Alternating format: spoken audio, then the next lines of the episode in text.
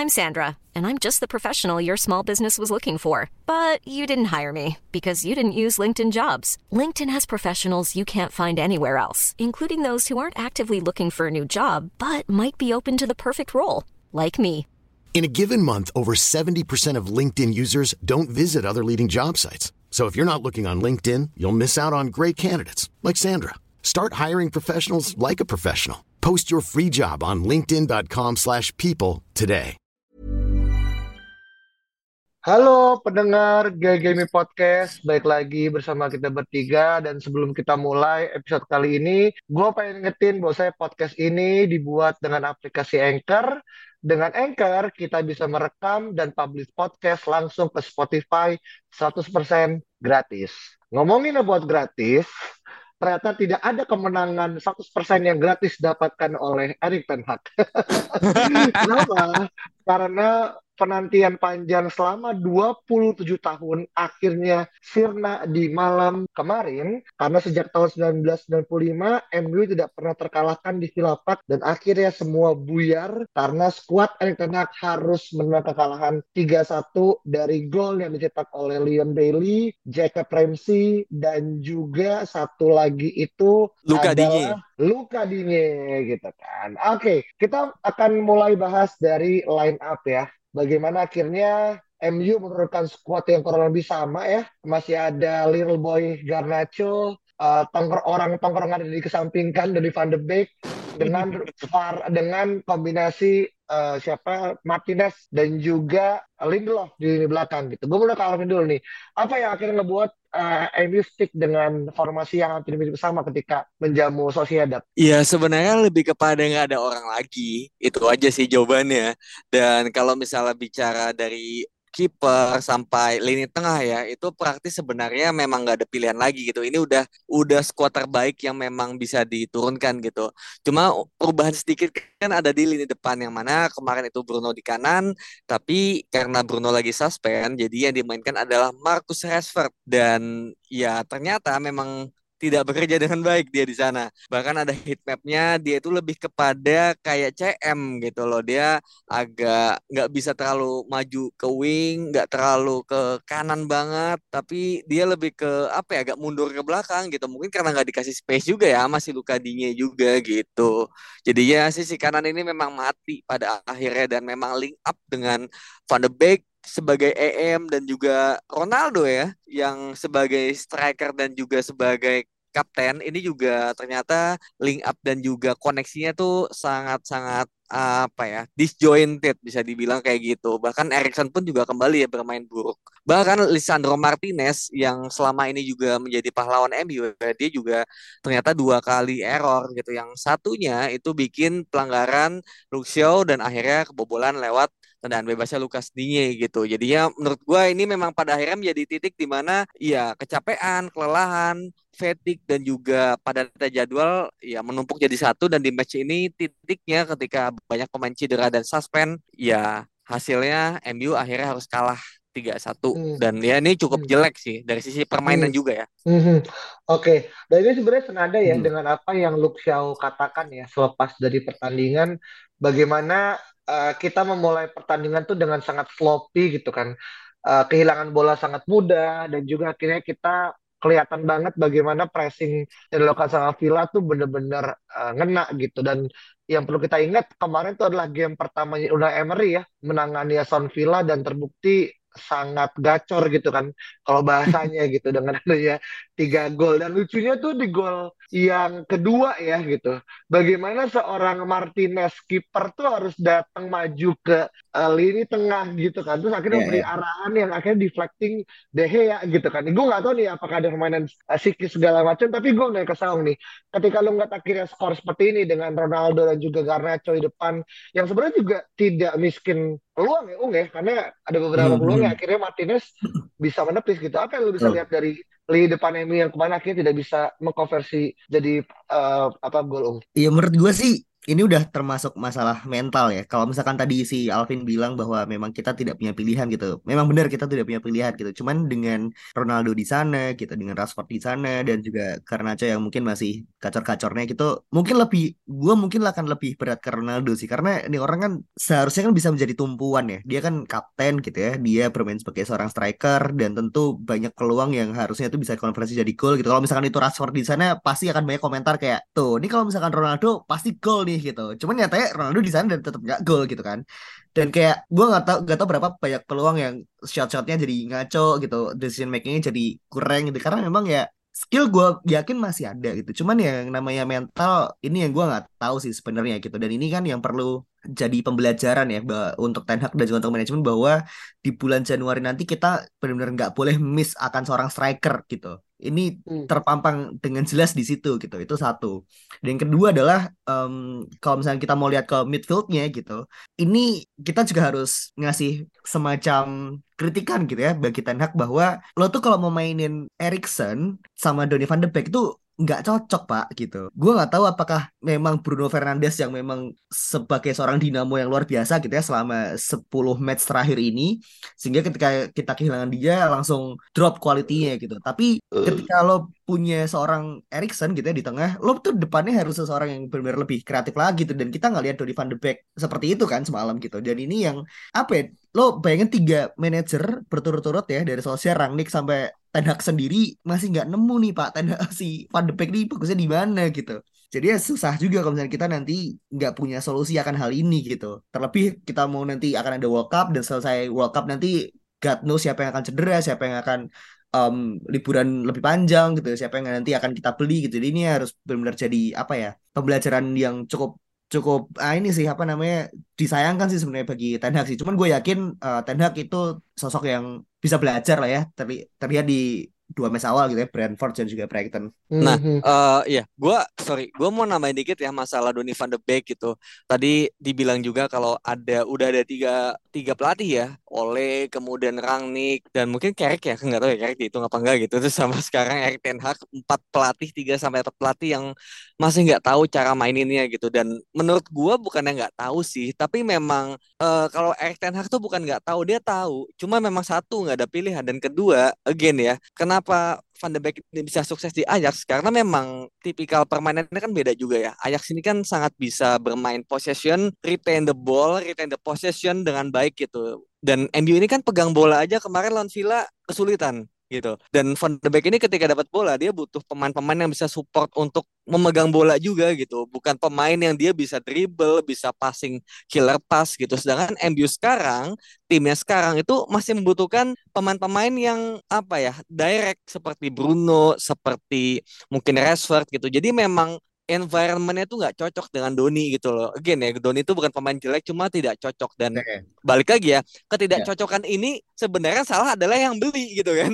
Betul, nah, berarti, yang ya kan. Iya iya iya. Uh, berarti dapat disimpulkan ya, um, apa namanya? Mm. Apakah menurut lo ini terlalu prematur kalau misalnya gue bilang memang Doni van de Beek ini nggak cocok untuk United gitu? Iya, memang nggak cocok. Iya, untuk yeah, sekarang, bener, untuk bener sekarang banget. yang untuk sekarang yang memang sedang masa transisi ke permainan possession gitu. Mungkin Van de Beek ini bakal cocok ketika MU ini udah akhirnya bisa full possession seperti Ten Hag-nya Ajax dan juga udah mungkin udah bisa kayak City ya mainnya. Nah, itu Van de Beek bakal bisa tuh main di, di skema MU pada saat itu gitu. Cuma kalau sekarang itu menurut gua lu mending jual aja sekalian gitu karena nggak akan ada guna. Ya, menurut gitu gua sih bener dia dipin apa ya dijual ke tim yang mainnya possession gitu ya misalkan ya Ajax lagi Ajax ya. lagi kalau nggak kalau nggak tukar gulingnya sama Kevin De Bruyne kan siapa tahu City kilap kan sama-sama pirang ya iya atau Bernardo Silva juga apa-apa lah sama Halan juga boleh Iya. Oke oke oke. Nah tapi kalau ngomongin kemarin ya memang sebenarnya nggak ada yang lebih cocok selain akhirnya kita ya berduka gitu. Kenapa? Karena kemarin tuh sebenarnya kalau kita nggak kalah ya itu kemenangan ke 10 beruntun gitu kan. Setelah sebelumnya akhirnya kita harus keok di Manchester Derby gitu. Dan akhirnya gara-gara kita kalah, akhirnya kita kehilangan chance untuk nge-closing the gap di uh, empat besar gitu. Karena ini akhirnya jadi suatu apa ya dilema dan juga konsekuensi ya secara result tentang bagaimana di Liga Inggris semua tuh akan serba ketat gitu kan. Apalagi kita tahu gitu kan mentalitas pema tim yang akhirnya dilatih pelatih baru bisa lagi tinggi karena kemarin kelihatan banget gitu siapa-siapa yang akhirnya pengen menunjukkan untuk bisa menjadi starting eleven di Aston Villa gitu. Jadi sebenarnya agak di luar dari ekspektasi ya karena kita ngerasa kayak Aston Villa lagi down, kemarin habis kalah 4-0 lawan Newcastle, eh tahunya sekarang malah bisa membeli keadaan. Tapi ya udahlah ya, it is what it is gitu kan. Dan akhirnya kita paham bagaimana kebolongan squad itu akan sangat kerasa ketika udah masuk ke uh, tengah musim dan sekarang adalah beberapa hal yang sangat bisa menjadi evaluasi untuk untuk Tenak dan juga klub supaya Desember Januari kita akan bisa untuk menggantikan uh, hal yang baru gitu kan. Nah, uh, kita akan sedikit lompat ya ke suatu hal yang memang ini jujur kayak seolah tuh kita udah jatuh ketimpa tangga gitu. Kenapa? Karena undian dari uh, UEFA Champions League ya, yang akhirnya mempertemukan MU dengan Europa League ya, bos. Ya, Europa League kok Europa, Europa, Europa League. Champions League masih nanti. ini kadang slip of tongue slip of tongue ini akhirnya harapan jadi doa gitu kan. Tapi oh. udah ya. Ini kita balik ke sana. Apa? Kita lawan yang cupu-cupu dulu, Bro. kita lawan cupu-cupunya Champions League dulu ini.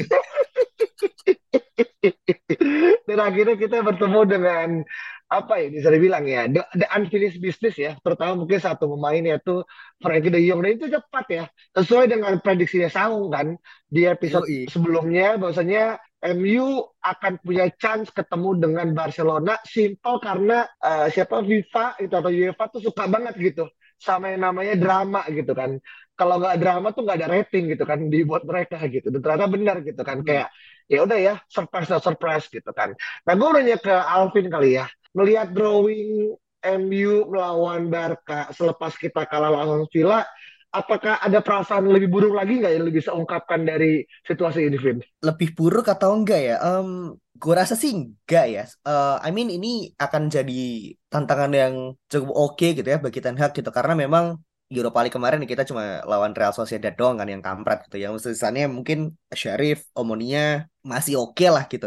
Karena kalau misalnya kita lihat nih ya, Bro, di 2019 kita terakhir lawan Barcelona, kita tuh di sana masih ada Lingard, masih ada Phil Jones ya kan? Masih ada Chris Smalling masih ada Ashley Young bahkan gitu. Jadi ini kan akan menjadi pembuktian bahwa mungkin squad kita yang sekarang itu ya mungkin belum cukup untuk bersaing gitu ya dalam dalam um, in the long run gitu. Cuman untuk musim ini ini akan jadi tes yang menurut gue cukup oke okay, gitu cukup luar biasa gitu bagi uh, Ten Hag dan juga Manchester United itu sendiri sih. Dan ya kayak yang kita bilang sebelumnya kan ini emang inevitable aja gitu ya. emang emang si bandar-bandar UEFA ini pasti dramanya tuh dari gitu. Lo bayangin Liverpool ketemu Real Madrid udah berapa kali coba ya kan? Muncan sama PSG gitu katakanlah gitu. Dan sekarang ya memang gimana caranya si Europa League ini bisa compete sama pertandingan-pertandingan Champions League ya dengan bikin Barcelona lawan United gitu. Mau mau gimana lagi gitu. Dan ini ya memang ya, ya harus dijalani ya sih. Mau gimana Aduh. Ini Frankie De Jong uh. derby ini emang harus segera diselesaikan sih. Wah, yang yang menang dapat De Jong udah gitu ya harusnya. Bisa juga ya. Iya, bisa juga ini jadi salah satu perjudian gitu kan. Siapa yang lolos ke tahapan uh, berikutnya itu akan mendapatkan De Jong, tantangan De Jong di musim depan gitu. Menurut gue nih fair enough gitu kan untuk De Jong melihat siapa yang akhirnya cocok untuk menjadi klub berikutnya gitu. Tapi terlepas dari De Jong ya sendiri yang akhirnya menurut gue akan mendapatkan sorotan spesial ya dari fans MU dan tentang bagaimana akhirnya dia akan mungkin ya akan dibully juga mungkin uh, ketika datang ke Old Trafford gitu kan. Tapi ada beberapa hal yang akhirnya menarik ya. Kenapa? Karena uh, pertemuan kita dengan Barcelona kan juga udah cukup lama ya uh, kejadian ya. Kalau nggak salah terakhir kali kan ya pas kita kalah Liga kan. Champion ya. Iya Liga Champion kan uh, di final gitu kan. Itu pas zamannya Rooney dan kalau nggak salah masih ada Ronaldo ya. Enggak terakhir. Uh, terakhir. Eh, udah terakhir, terakhir ya? Enggak terakhir kita ketemu oh, iya. yang habis PSG comeback itu, Bro. Oh. Yang sama Ole kan? Sama Ole. Oh iya, iya, iya, iya, iya. Oh iya, benar benar benar gue paham. Oh yang sama Paul Pogba ya, sorry ya. Bener Betul. Sih, gue tadi bilang ada kan? Lingard, ada Asli Young, ada Phil Jones, ya itu ah, terakhir iya. kita. Ah, iya kan? Iya, ya, gue ingetnya pas zaman dulu pas di final tahun 2000 berapa tuh? 2000 gue lupa sih 13 ya? Sebelas lah. Sebelas, sebelas. Sebelas ya, sebelas ya gitu kan. Uh, Oke, okay. berarti tidak sejauh itu ya referensinya. Betul. Tapi dan yang apa? jelas kalau misalkan ada satu game di mana akan jadi momen kebangkitan seorang Cristiano Ronaldo ya ini lihat lawan Barcelona ini gitu. Kita akan menggoyangkan Spotify Stadium ini akan kita goyangkan, Bro. Ah, ini ini gue tanya lu yakin dia bakal dimainin? Nah. Kayaknya sih Cody Gakpo ya. Anjay. Aduh, aduh, aduh, aduh. Gakpo atau ini atau Dusan Vlahovic? Aduh, ini lagi nama Agak, yang agak trauma bro kalau dari Juventus bro. Mending yang lain deh. Aduh, oke oke oke. Nah, tapi kalau kita ngelihat chance ya, gue nggak tahu nih, karena gue tadi pas scroll scroll di Twitter ada kelompok-kelompok yang pesimis gitu kan, kelompok-kelompok yang Alvin gitu. kalau di, kalau di kita ada kelompok yang optimis gitu kan, bahkan ultra optimis gitu. Dia itu diwakilkan sama Saung gitu. Apakah ini juga masih akan menjadi salah satu representatif yang sama di antara kalian berdua atau kalian sekarang lebih konsensus untuk lebih sama-sama optimis nih? Hmm, siapa dulu? Gua. Boleh, boleh. Oke, gue tuh sebenarnya gini ya. Tadi gue juga uh, udah beberapa baca beberapa komentar juga ya, komentar secara langsung bagaimana tanggapan mereka ketika ternyata yang dihadapi itu langsung Barcelona. Nah, gue tuh selalu merasa dari dulu ya, ketika para pelatih dan juga pemain mungkin mengeluhkan Europa League yang jadwalnya ini nggak manusiawi, jadwalnya di hari uh, Kamis malam, kemudian di Sabtu atau Minggunya udah main liga lagi gitu. Itu kan terlalu padat. Gue merasa kayak ya udah, kenapa lu nggak jadikan ajang Europa League ini sebagai uh, uji coba pemain muda atau pemain cadangan. Jadi nggak akan ada lagi tuh alasan-alasan bahwa pemain lo kecapean dan segala macam gitu. Tapi pada ujungnya gitu pelatih kita ya pelatih MU dari dulu mau dari Ole kemudian Jose terus bahkan Rangnick dan juga bahkan Ten Hag sekalipun gitu itu selalu serius gitu loh menghadapi pertandingan Europa League gitu. Itu yang bikin gue bingung gitu loh. Kayak lu tetap ingin menghajar semua pertandingan dengan serius tapi sebenarnya kita tahu bahwa SDM kita itu udah lagi nggak bagus gitu loh kualitinya quality ya, ya, gapnya ya. tuh gede banget jadi satu sisi lu mau hajar semuanya tapi sebenarnya kita tuh nggak punya cukup amunisi gitu loh Nah, ini kan yang pada akhirnya jadi dilema tadi. Mungkin banyak juga yang mungkin uh, bicara bahwa ya udahlah kita di Barcelona ini tetap habis-habisan tapi mungkin accept kalau misalnya kita kalah gitu. Ya, itu fair enough juga sih. Kita bisa lebih fokus di liga yang mana pada akhirnya kalau gue pikir ya antara Liga dan Europa League menurut gua gitu. Liga itu lebih butuh konsistensi gitu dan dengan skuad kita yang sangat-sangat kecil, kecil itu dalam arti pemain-pemain yang bisa bermain di asuhan Ten Hag ya, dengan sepak bola Ten Hag. Itu menurut gua lebih baik memang fokus gitu loh. Hmm. Menurut gue ya, lebih baik memang fokus gitu karena yang kita kejar sekarang adalah konsistensi bagaimana permainan itu bisa ditampilkan terus-menerus gitu. Kita menurut gue nggak butuh trofi untuk saat ini gitu loh. Memang wow. trofi itu memang penting untuk membangkitkan semangat wow. dan juga percaya diri ya. Cuma kalau oleh misal... gak, lo lo nggak bilang gitu, Bro. Apa tuh? Teman oleh yeah. lo nggak bilang gitu. Karena udah nyampe karena udah nyampe final, Bro. Gimana lo? Udah nyampe final masa kalah. Kan beda dong. Wah. karena udah ya karena udah nyampe final beda. Ini nanti gitu. nyampe final juga ini bro. Nah ya tergantung tergantung. Makanya kalau misalnya sekarang harus memilih kayak itu kan. Kalau misalnya sekarang harus memilih fokusnya dan kita kan juga lihat gitu bahwa ternyata sekarang banyak korban-korban dari permainan yang sangat Spartan ini gitu. Anthony aja nggak tahu nih cedera apaan sih anjir lama banget gitu kan nggak ada kabarnya. Sancho juga katanya sakit gue juga nggak tahu dia sakit apa kan gitu. Jadi menurut gue, gue pribadi kayak gue melihat case-nya itu case by case gitu loh, nggak semuanya langsung dipukul rata. Nah untuk case ini yang memang kita udah ngeliat nih permainannya udah ada, udah jadi, tapi SDM-nya tuh kurang gitu loh karena pengen cedera. Nah daripada kita habis-habisan, ya sebaiknya memang fokus di liga juga nggak salah-salah banget sih gitu. Asal ya lu yakin gitu bahwa memang di liga lu harus menang gitu. Kemarin lawan Villa itu menurut gue bisa menang asal pemain-pemainnya nggak ada cedera gitu. Itu bukan pertandingan yang sulit lah gitu maksudnya adalah kesalahan sendiri men. Semua gol-gol ya gitu loh. Bukan gol-gol yang memang Villa hebat. Enggak gitu loh. Nah, salah sendiri kan dari dari kecapean menurut gua. Kecapean enggak konsentrasi pemainnya kurang oke okay, gitu loh. Gitu loh. Jadi menurut gua sekarang ini fokus di satu hal itu sedikit lebih wise pada akhirnya sekarang ya Hmm. Oke, okay. tapi gue mau nanya ke Saung nih, Susah apakah sih, jawabannya Alvin itu yeah. adalah jawaban diplomatis dari ketidaksiapan kita untuk melawan Barcelona? Jadi ketika kita kalah, ya kan ya wajar dong, karena kan kita fokusnya ke Liga gitu. Atau lu akhirnya ngerasa ada poin berbeda yang ingin uh, coba lepuak dari jawabannya Alvin yang mungkin agak sedikit lebih mengundurkan uh, semangat untuk akhirnya kita fokus ke liga jadi gitu. Nggak, Alvin tuh bilang gitu karena dia nggak yakin aja bro, dia tuh pesimis bro.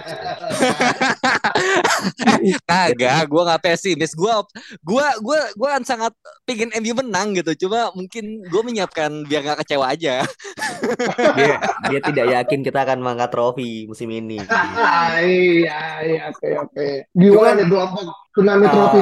cuman gini Pak, kalau misalkan tadi Alvin bilang bahwa uh, harusnya fokus di satu hal aja gitu ya, khususnya di liga untuk bisa lebih konsisten gitu ya, bisa uh, apa namanya dapat chance yang lebih besar gitu untuk untuk setidaknya lolos di Liga Champions gitu. Cuman, masalahnya cuman waktu Solskjaer atau bahkan waktu Mourinho pada saat itu bahkan Van Hal itu mereka serius untuk mengejar Europa League itu karena susah Pak masuk top 4 Liga Champions di Premier itu sekarang susah gitu. Lo tahu sekarang Unai Emery lah kemarin gitu kan ya baru masuk satu game dia udah bikin kehebohan kayak gitu gitu kan. Dia udah bikin kicker dunia persilatan di baratnya itu terus nanti akan ada lagi uh, Julian Lopetegui gitu kan yang dia akan ngelatih Wolves gitu. Eddie Howe dengan Newcastle-nya gitu. Bahkan dia sangat luar biasa menurut gue gitu. Dia sampai masih punya tren positif sampai sekarang gitu. Dan kita juga nggak tahu apakah nanti Southampton akan nge-hire apa namanya pelatih yang lebih oke dari Hasan Hutel ya. Who knows gitu. Karena memang Premier League pada saat ini tuh sangat-sangat susah gitu. Di mana yang dulu mungkin kita hanya meng, ya hanya apa namanya mengklaim yang namanya top 4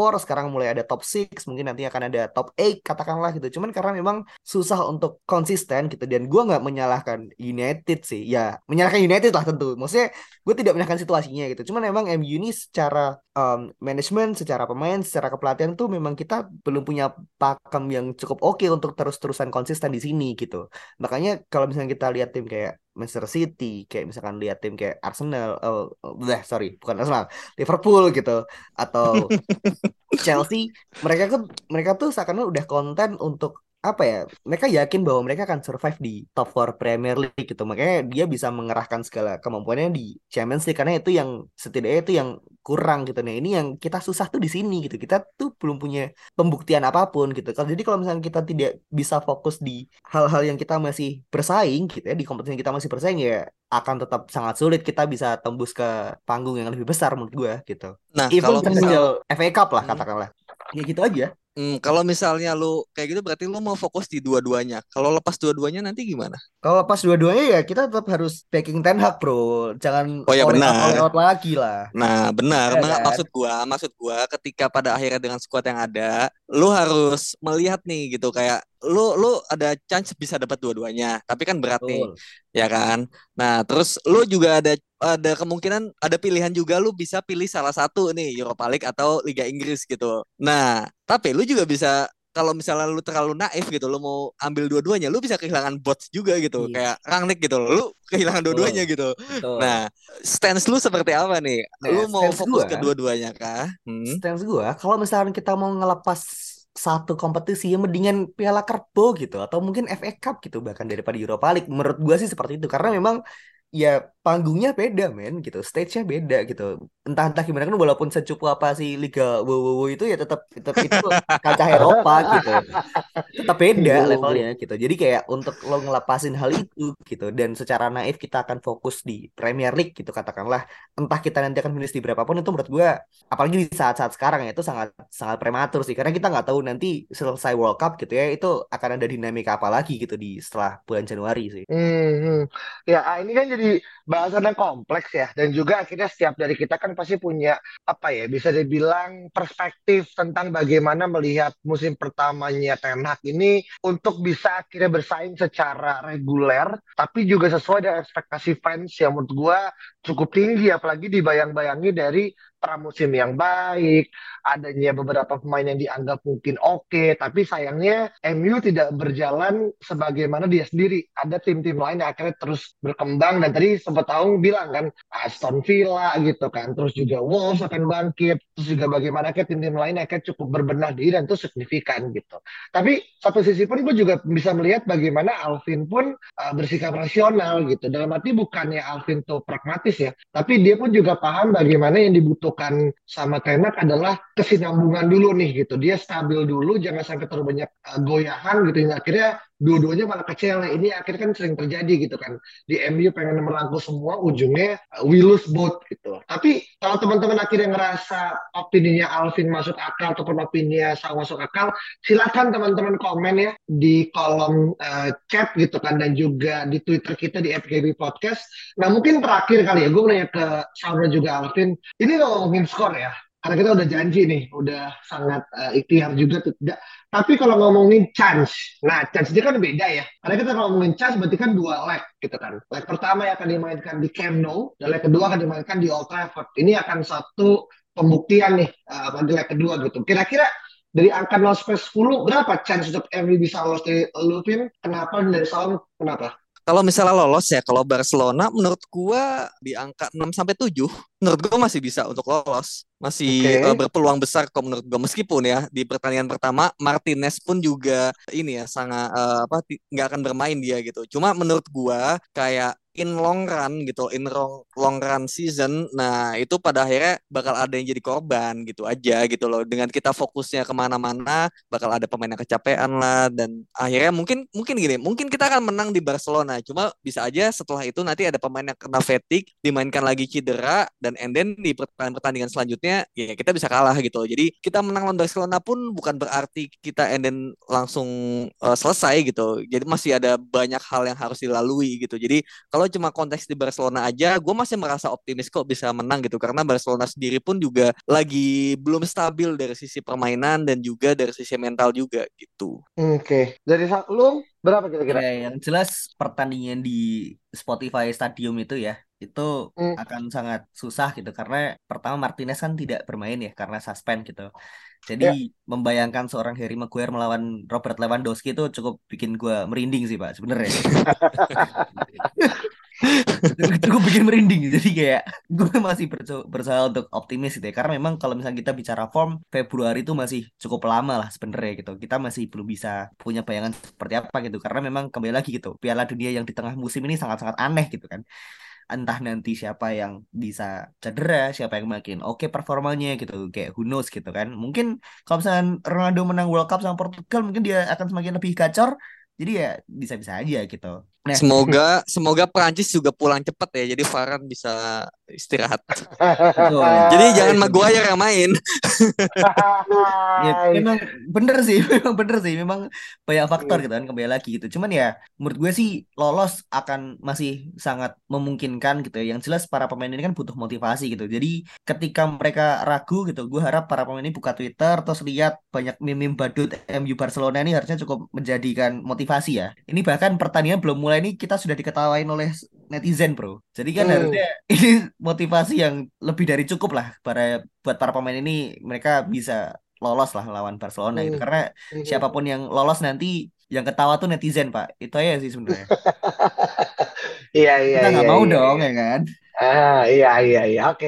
Nah eh ini ya teman-teman udah lihat ya bagaimana akhirnya semuanya punya sudut pandang. Tapi kalau gue pribadi sih chance di atas 50% ya karena baik lagi Barca juga bukan Barca yang seutuhnya terlepas memang secara pemain, secara kualitas dan juga secara kedalaman kita bisa mengatakan Barca jauh lebih oke. Okay, tapi kan masalah moralitas, masalah bagaimana trust issue gitu karena itu kan akan jadi satu hal non teknis yang akan bermasalah juga untuk meraih hasil. Tapi sebelum gue tutup ini ada satu uh, informasi yang cukup penting juga bagaimana akhirnya Brazil sudah mengumumkan 26 World Men's uh, World Cup squad gitu ya, di mana salah empatnya ada Casemiro, Anthony, Pastor Fat dan juga Alex Teles yang akan bergabung ke Brazil World Cup squad untuk 2022 gitu kan. Nah itu sebagai suatu uh, poin terakhir dan kalau teman-teman punya argumen berbeda, silahkan tulis dan juga balas reply kita di Twitter. Jangan lupa untuk pantengin episode berikutnya. Bye bye, thank you.